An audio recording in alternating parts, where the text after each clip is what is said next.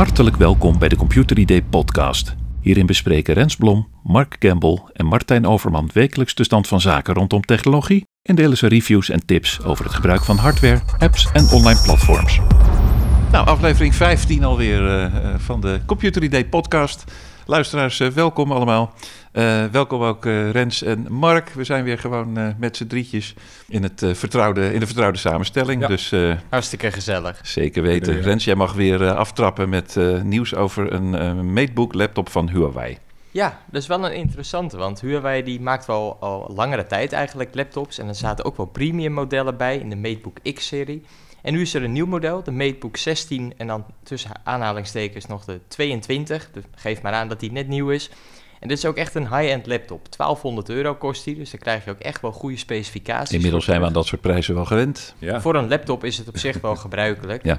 Uh, maar wat je wel ziet is dat deze laptop een kenmerk heeft waar Huawei laptops echt bekend om staan. Het is een, een groot scherm, 16 inch, met een 3-2 verhouding. Dus Okay. eigenlijk een wat vierkante scherm, wat meer in de hoogte is, waardoor je bijvoorbeeld meer van je browser ziet of meer van Word ook ziet. En dat kan natuurlijk heel erg handig zijn. En Huawei die geeft er ook heel erg van op dat de laptop heel erg snel is met een AMD Ryzen processor. Dat er hele goede koeling in zit, zodat die niet uh, te hard gaat blazen en uh, niet zo warm wordt op je schoot. Okay. En dat er een grote accu in zit, waardoor die heel erg lang meegaat. Okay. Maar die zal dan wel behoorlijk gewicht uh, hebben dan? Nou, hij is net geen 2 kilo. Dus voor een 16-inch laptop, kijk Maar- ook even naar Mark, is dat niet bijzonder Is, gek. is aanvaardbaar, ja. Ja, Maar is dat nou die nieuwe standaard, die, de, wat zijn nou die schermverhouding? Dat is nu echt, 3-2. is dat nou echt populair aan het worden? Of, of is het alleen maar een speciale markt voor mensen die dat graag, die veel scrollen en browsen? Ik bedoel, het is niet echt geschikt voor HD-video kijken of... Nee, volgens mij eh, hebben meer laptops wel een 1610 scherm. En Ja. Dat was eerst 1609 natuurlijk. Maar Ja. je ziet wel dat die 3.2 schermen toch wel iets meer aan populariteit winnen. Niet alleen bij Huawei, maar bijvoorbeeld Microsoft doet het ook in die Surface-apparaten Ja. natuurlijk. Dus er is alvast een markt voor zijn. Eh, ik zelf werk natuurlijk veel op een laptop, dus ik ben er ook wel fan van. Ja, Ehm, maar ik kan me voorstellen als je graag video's kijkt op je laptop, dat je dan eerder kijkt naar een model wat niet deze schermverhouding heeft. lijkt me wel. Maar Anders is krijg je weer zwarte balken, ja. Precies. Dus het is puur eh, echt om te werken. Echt een werklaptop. Ja, Huawei zet deze laptop echt in de markt als een productiviteitslaptop. eh, die ook snel oplaadt via de USB-C-oplader, draait op Windows 11. En nou, daar geeft Huawei ook hoog van op, goed kan samenwerken met andere Huawei-apparatuur. Oké. Dus Huawei verkoopt natuurlijk eh, bijvoorbeeld tablets ook in Nederland. Ja. Een MateView monitor, die overigens ook een 3-2 schermverhouding heeft. En deze eh, laptop die kan bijvoorbeeld draadloos via wifi ook samenwerken met die apparaten als extra scherm. Misschien ken je dat wel, dat een iPad kan natuurlijk ook goed Ik wou samenwerken zeggen, dit, dit lijkt op zo'n ecosysteem als Apple eh, Precies, en, heeft. en Ja. juist dat is iets wat Huawei ook heel erg probeert op te zetten. Dus dat vind ik wel interessant om te volgen. Ja, Ja, leuk. Nee, zeker. Dankjewel, eh Rens. Mark, jij eh, bent weer terug eh, van vakantie. Ja. En het grappige is dat jij tips hebt voor een geslaagde Ja, vakantietrip. die komen eigenlijk te laat, want ik ben al terug, dus daar heb ik niks meer aan. Maar De luisteraars misschien wel. ja, in Computer E 13 staan een aantal vijftal tips in onze rubriek tips en trucs over waar je op kunt letten als jij op vakantie gaat. Ehm, zo heb je natuurlijk de site nederlandwereldwijd.nl, waar je kan zien waar de, bijvoorbeeld de huidige coronaregels nog gelden en waar je op moet letten als je naar het buitenland gaat. Ook Lijkt me wel je- interessant, ja. Ja, of je ingeënt moet zijn, of dat je, hè, wanneer je je booster hebt gehad, en of je, je, hoe vaak je bent gevaccineerd, dat soort dingetjes. Is dat ook per- in. Europa nog steeds eh, verschillend? Ja, in Europa heb je een aantal landen waar het zo is, maar dit gaat Jo. voornamelijk over de buiten Europa, want daar zijn natuurlijk de regels ook weer, weer ja, anders. precies. En dat kun je daar allemaal terugvinden. En natuurlijk ook de goedkoopste tickets. Waar vind je die eigenlijk? Welke vluchten kun je goedkoop waar krijgen? Bij welke websites? En, eh, ja, en hoe, hoe zit het met annulering, verzekeringen en dat soort dingen? Die kun je allemaal terugvinden in die tips en trucs. Ja, precies. En, en eh, welke rol speelt eh, technologie daar, daarin? Zijn Nou het gewoon apps of websites? Nee, dat gaat puur over de websites. Ja. Ja. En ja, er zijn natuurlijk ook apps zoals inderdaad van de overheid... waar je kunt zien welk land waar. Dat is wel handig als je dat bij je hebt. Ja, precies. Waar je op moet letten. Nou ja, op zich handig, want eh, behalve dat er per land verschillende regels zijn, is er natuurlijk ook een, een enorm aanbod aan, aan websites Ja. en apps die je van alles nog wat vertellen. Dus als er een beetje structuur in kan worden aangebracht en van nou, hier kun je dit vinden, Ja. dan vind ik dit soort overzichten ook altijd wel Ja, eh, van nou, meerwaarde. Er is zoveel te vinden inderdaad. Maar eh, Ja. ja, dat, dat, dat hebben we allemaal op een rijtje gezet. Dus je kunt het zo terugvinden Kijk, in nummer nou. de computer 13. Hartstikke handig en eh, lekker getimed wel. ook. Zeker, Ja, ja. absoluut. Rens, glasvezelnieuws, dat had je laatst ook al, maar nu weer over een overname van Open Dutch Fiber. Wat, Ja. wat hebben ze gekocht? Nou, ze hebben een concurrent overgenomen. En dat is natuurlijk wel opmerkelijk, want dat gebeurt niet zo heel erg vaak in Nederland. Want er zijn niet zo heel erg veel bedrijven die glasvezel aanleggen. Nee, precies. Dus deze overname is wel groot nieuws. Het gaat om e-fiber. Dat is overgenomen door Open Dutch Fiber. En nou, Open Dutch Fiber is niet een hele bekende naam in Nederland. Dat komt omdat het eigenlijk pas sinds kort ook actief is in Nederland. Er zit een investeringsfonds achter waar T-Mobile ook mee samenwerkt. En Open Dutch Fiber die heeft dus blijkbaar nou ja, de financiën gevonden om de concurrent e-fiber over te nemen. En zo een veel grotere speler te worden in Nederland. Oké, dus terwijl er nog eigenlijk heel weinig aanbod is, wordt het aantal spelers nu alweer kleiner. Het aantal spelers Ja. wordt kleiner inderdaad. En wat wel interessant is, is dat e-fiber al zijn projecten ook voortzet voorlopig. Maar dat het netwerk van e-fiber nu ook open wordt gesteld voor Open Dutch Fiber. Oké. En dan vertaal ik toch even naar mijn eigen situatie. Ik woon in Castricum. Hmm. E-fiber gaat hier eh, nou ja, later dit jaar glasvezel aanleggen. Maar nu eh, betekent dat dat T-Mobile niet op dat netwerk zou zitten. Maar nu Open Dutch Fiber e-fiber heeft overgenomen, heb ik bericht gekregen dat T-Mobile straks ook beschikbaar komt op mijn adres. Oké. En dat geldt dus eigenlijk voor al die situaties hier in Nederland. Ja. Dus je krijgt enerzijds wel meer providerkeuze, maar het aanbod achter de schermen neemt natuurlijk wel af. ja, en het is natuurlijk ook een serieus concurrent voor KPN, neem ik aan. Want die is Ja. ook bezig met een landelijke uitrol. Hè. Die heeft het ook altijd maar over... Ja, daar ging het laatst over in de Ja. podcast. Dus eh, het gaat veel over glasvezel. Er is een hoop aan de hand eh, Ja. op dat ja, nou, het, is, het is ook een heel erg belangrijk onderwerp. Want je ziet natuurlijk dat meer dan de helft van de Nederlandse huishoudens heeft inmiddels glasvezel. Maar dat betekent dat er ook nog miljoenen worden aangesloten. En dat zit natuurlijk echt een enorm verdienmodel achter. Van welke provider weet hoeveel consumenten aan zich te binden. Ja. En glasvezel, dat blijft natuurlijk nog tientallen jaren liggen. Ja. En dan kan het heel interessant zijn als jij de eerste partij bent die daadwerkelijk die consumenten natuurlijk aansluit. Ja. Dus er zitten grote campagnes achter. Er zit natuurlijk in het begin maakt zo'n provider daar verlies op, want je doet investeringen die zich op de lange termijn terugverdienen. Ja.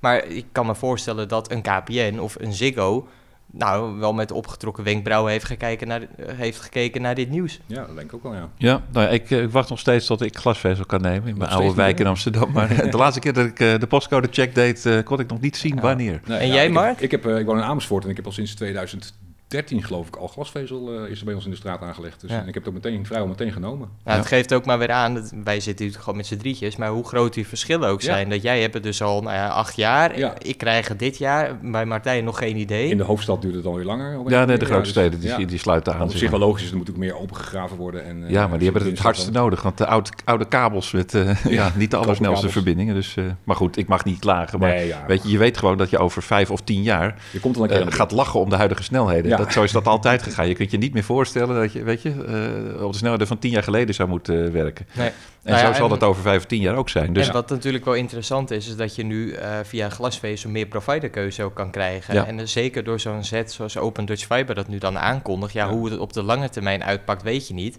Maar voor consumenten zoals ik, die misschien wel T-Mobile wilden nemen, maar dat niet konden en dat nu wel kunnen nemen, is dat natuurlijk wel interessant. Ja, Absoluut. Zeker. nou, Dus eh, daar, daar blijven we denk ik in de komende podcast nog wel eens op terugkomen. Ja. zeker. En ik zal na deze podcast meteen even checken of ik al glasvezel kan nemen. Mark, jij hebt de vraag van de week eh, uitgekozen. Ja, ik heb een vraag van de week van eh, Wouter de Graaf. Die vraagt zich af eh, wat het verschil is in Windows 10 en 11 tussen de slaapstand en sluimerstand. Eh, kijk, normaal gesproken denk ik van ik zet mijn computer uit, eh, heb je een standby stand. Hè, dus dat scherm gaat dan op een gegeven moment na een paar, een paar minuten uit als je hem op de accu hebt staan. In de slaapstand kun je je computer uitzetten. Maar dat blijft, de gegevens die erop staan, die blijven bewaard. Dus als je hem openklapt, dan komt weer alles tevoorschijn. Maar dan wordt de computer wel in een soort van ja, lage energieverbruik gezet. Oké. En dan heb je ook nog de sluimerstand. Met de sluimerstand sluit je je computer ook af, maar dan wordt er ook echt de computer helemaal afgesloten zonder stroom. Maar al die gegevens worden opgeslagen in een bestandje op de harde schijf. Dat is dat bekende hyperfill.sys. Ja, verwarrende termen eh, zijn dat, weet Nou, je wel. inderdaad. Slapen, dat is toch een... een, een hè, dan ben je iets verder weg dan als je aan het sluimeren bent, Nou ja, in klopt. mijn idee. Dus ze hebben dat precies contra gedaan. Het is omgekeerd, ja. En dat schijnt dus, dat in, eh, of in de Engelse versie van Windows wordt dat hibernate genoemd, hè, die, die eh, sluimerstand. Ja, Dat klopt. Hibernate betekent eigenlijk winterslaap, dus je gaat in een diepe slaap. dat is een diepe slaap, Maar een precies. sluimerstand is, een sluimerslaapje is eigenlijk gewoon een, soort van indoezelen, een beetje wegdoezelen. Dus door die en, vertaalfout is die verwarring eigenlijk is ontstaan. ontstaan. En die verwarring zit er al in, volgens mij sinds... Nou ja, ik, volgens mij sinds Windows Vista of daarvoor. Sinds ze dat, dat hebben geïmplementeerd in Windows. Maar Het dan is weet je nu al. Microsoft kennende, wordt dat in Windows 32 wel gecorrigeerd. Ja, want in Windows 11 is het nog steeds niet gecorrigeerd. Dus, Ja, Het of blijft of verwarrend. niet inderdaad, van ja, dit is... eh, of het zoals hoort zo, doen. it's not a bug, Ja, it's a feature. ja, maar goed, dan snap ik wel dat het verwarrend is. Want heel veel mensen denken dus dat, dat die sluimerstand... dat het ook een soort van... eh, of dat het dan een diepe slaapstand is, terwijl het eigenlijk niet zo is. Het is allemaal... ja, Hey, dus concreet, welke moet je wanneer gebruiken? Nou, de sluimerstand gebruik je dus eigenlijk als je laptop gewoon langere tijd eh, uitzet en echt wilt dat je hem daarna weer makkelijk kan opstarten. En de sla- slaapstand is dat je nog wel genoeg stroom hebt om hem eventjes eh, uit te laten staan als het ware. Dus hij, die, die stroom blijft gewoon doorvoeren. Je moet even ergens anders zijn, eh, Ja. een andere ruimte. Je moet even iets anders doen. En dan weer terugkomen. Dan En komt dan... De sluimerstand is, biedt eigenlijk de meest eh, energiebesparende optie, want dan gaat de laptop gewoon helemaal uit. Ja, ik denk dat deze vraag nog jaren gaat vast. terugkomen. Zolang Microsoft terug. deze vage termen hanteert, eh, blijven die... Nou, eh, misschien luisteren ze nu en passen ze het een keertje aan. Dus ik ben benieuwd. de Computer Day podcast waarschuwt Microsoft voor de laatste keer. Ja, Dank daarvoor, Mark. graag gedaan. Eh, nou, ik heb ook in eh, Computer Day 13 even gekeken naar een interessant eh, artikel. En het eh, openingsverhaal is, eh, ja, dat is een beetje een opmerkelijk verhaal. Dat gaat namelijk over de nieuwe routeplanner-app van de Fietsersbond. Oh. Dat is op zich eh, niet een, een heel voor de hand liggend onderwerp in Computer Day. Toch vonden we deze keer eh, belangrijk genoeg om, eh, om het daarover te hebben. Ten eerste omdat het weer natuurlijk eh, eh, uitnodigt om eh, eindelijk achter die PC weg te gaan en eh, naar buiten te gaan. Eh, en als inderdaad technologie kan ondersteunen daarbij, eh, dan eh, nou, juichen we dat eh, van harte toe. En een andere reden is dat dit, eh, nou, deze app lost een paar problemen op die navigatie-apps tot nu toe hebben laten liggen. Eh Nederland is natuurlijk een echt bij uitstek een fietsland. En die bestaande navigatie-apps die zijn toch heel erg gefocust op autoverkeer. Dus Ja. eh, alle autowegen staan erin, maar lang niet alle fietspaden. En als jij een route van A naar B wil, dan krijg je vaak de hele efficiënte die langs de snelweg loopt. Als jij lekker een stukje wil gaan fietsen, dan ben je juist op zoek naar eh, de, de, de zijpaadjes, want daar groeien de mooiste bloempjes. Ja. En nou, die Fietsersbond-app die heeft echt heel veel fietspaden eh, geïndexeerd, dus die zitten in die kaarten. Eh, dus dat is eigenlijk gewoon de, meteen de nummer één Ja. keuze voor, voor recreatieve fietsers. Overigens is het zo dat die samengesteld is door de leden van de Fietsersbond. Dus eh, die hebben de informatie aangedragen. Dus het is echt voor en door fietsers. Dat is ook een, ja. een vrij uniek eh, iets. Nou, alles eh, bij elkaar eh, vinden we het leuk genoeg om daar eh, groot mee uit te pakken.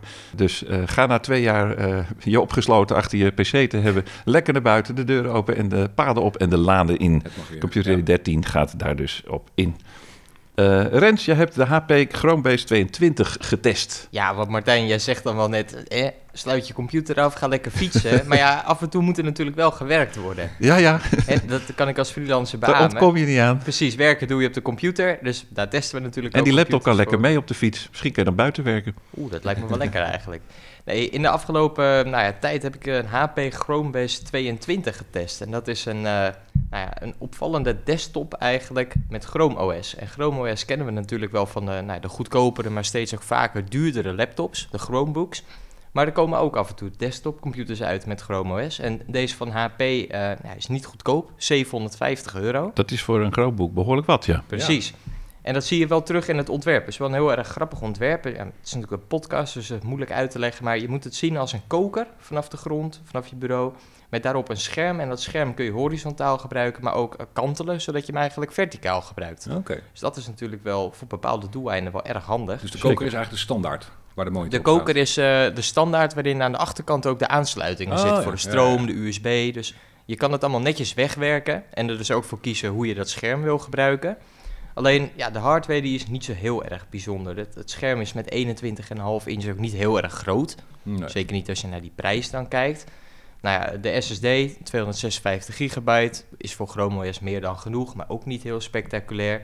Een oudere Intel Core i3 processor. Nou, gezien de prijs hadden we daar echt wel een iets betere processor in verwacht. Want als je kijkt naar Chromebooks in dit prijssegment, die hebben echt wel een i5 processor. Maar is die wel van de nieuwste generatie? Die, eh, Nee, Core i5? oudere.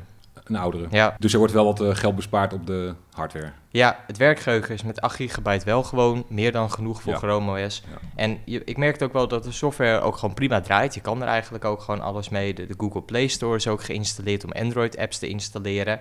Ehm, nou, omdat je het scherm verticaal kan draaien, kan dat wel heel grappig uitpakken. Maar dan zie je eigenlijk dat je een hele grote app-versie eigenlijk op je computer draait... die bedoeld is voor een Android-smartphone. Ja, dus ja, ja, hoe nuttig dat nou is, weet ik niet helemaal. Interessante denk ik is dat je Linux ook kan gebruiken natuurlijk op Chrome OS. Nou. Dat kan zeker op een desktopcomputer nog wel eh, interessant zijn. Ehm, en het, ja, de, de desktop heeft gewoon een webcam, eigenlijk alle zaken die je ook verwacht. Ja. Maar ik vind het wat moeilijk, omdat je toch ook wel ziet dat bijvoorbeeld de aansluiting aan de achterkant is niet altijd heel makkelijk. Als je even een USB-stickje wil, eh, wil inpluggen. Ja. Ehm, de- het scherm is ook niet in hoogte verstelbaar, wat je natuurlijk ook nog bij monitoren in dit prijssegment altijd kan verwachten. Ja. Dus ik ben niet helemaal overtuigd van die prijs van 750 euro. Nee. En natuurlijk, geen enkel product is perfect, maar misschien dat het wel eh, nou ja, een doelgroep zou aanspreken. Ja, ik vind het echt heel vervelend als een scherm niet omhoog of omlaag kan. Ja, ik mis dat ook dus weer met van die, snel. papieren, weet je, van die papierpakken werken. Of, Ja, eh, vroeger had je nog telefoonboeken, maar zelfs die hebben we niet Nee, meer. die ook niet meer, dus dan moet je je scherm omhoog krijgen. Ja. ja.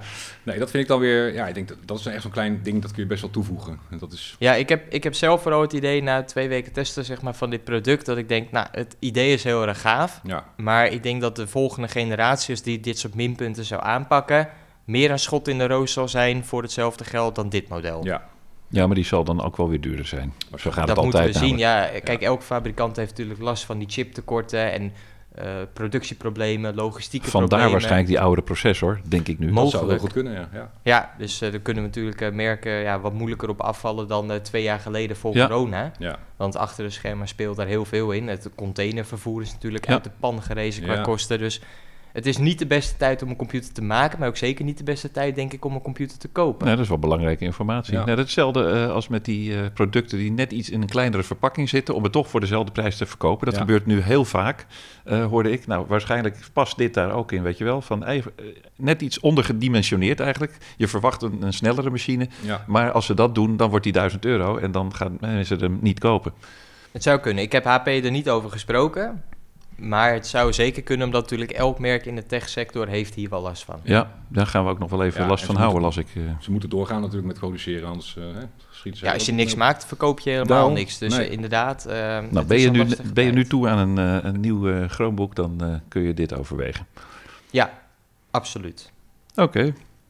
Nou, de volgende aflevering eh, eh, gaan wij het hebben over oude games die je gratis kunt spelen. Oh, leuk. Dus eh, titels als Pac-Man, Donkey Kong en SimCity. Dus echt eh, de, de, de oudere titels. Ja. Eh, ja, nostalgie volop.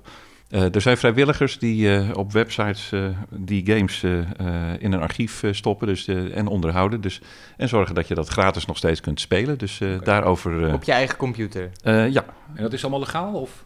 Eh, ja, dat, dat is dus een van de thema's eh, die zeker aan bod zullen komen. Want eh, nou ja, als dit illegaal was, dan, eh, ja, dan hadden we een ander verhaal. Maar ja, ik heb het idee dat dit, eh, het heet abandonware, dus het is software die gewoon niet meer onderhouden wordt. Ja. Ja, en de licentie is vaak grijs gebied hoor. Dus eh, Ja, ja, er zijn dus eh, vrijwilligers die, eh, die onderhouden die dingen en eh, kun je ze spelen. Leuk. Nou, Rens, eh, Mark, bedankt eh, voor je bijdrage. Luisteraars, bedankt voor het luisteren en graag tot volgende week. Tot volgende week. Tot dan.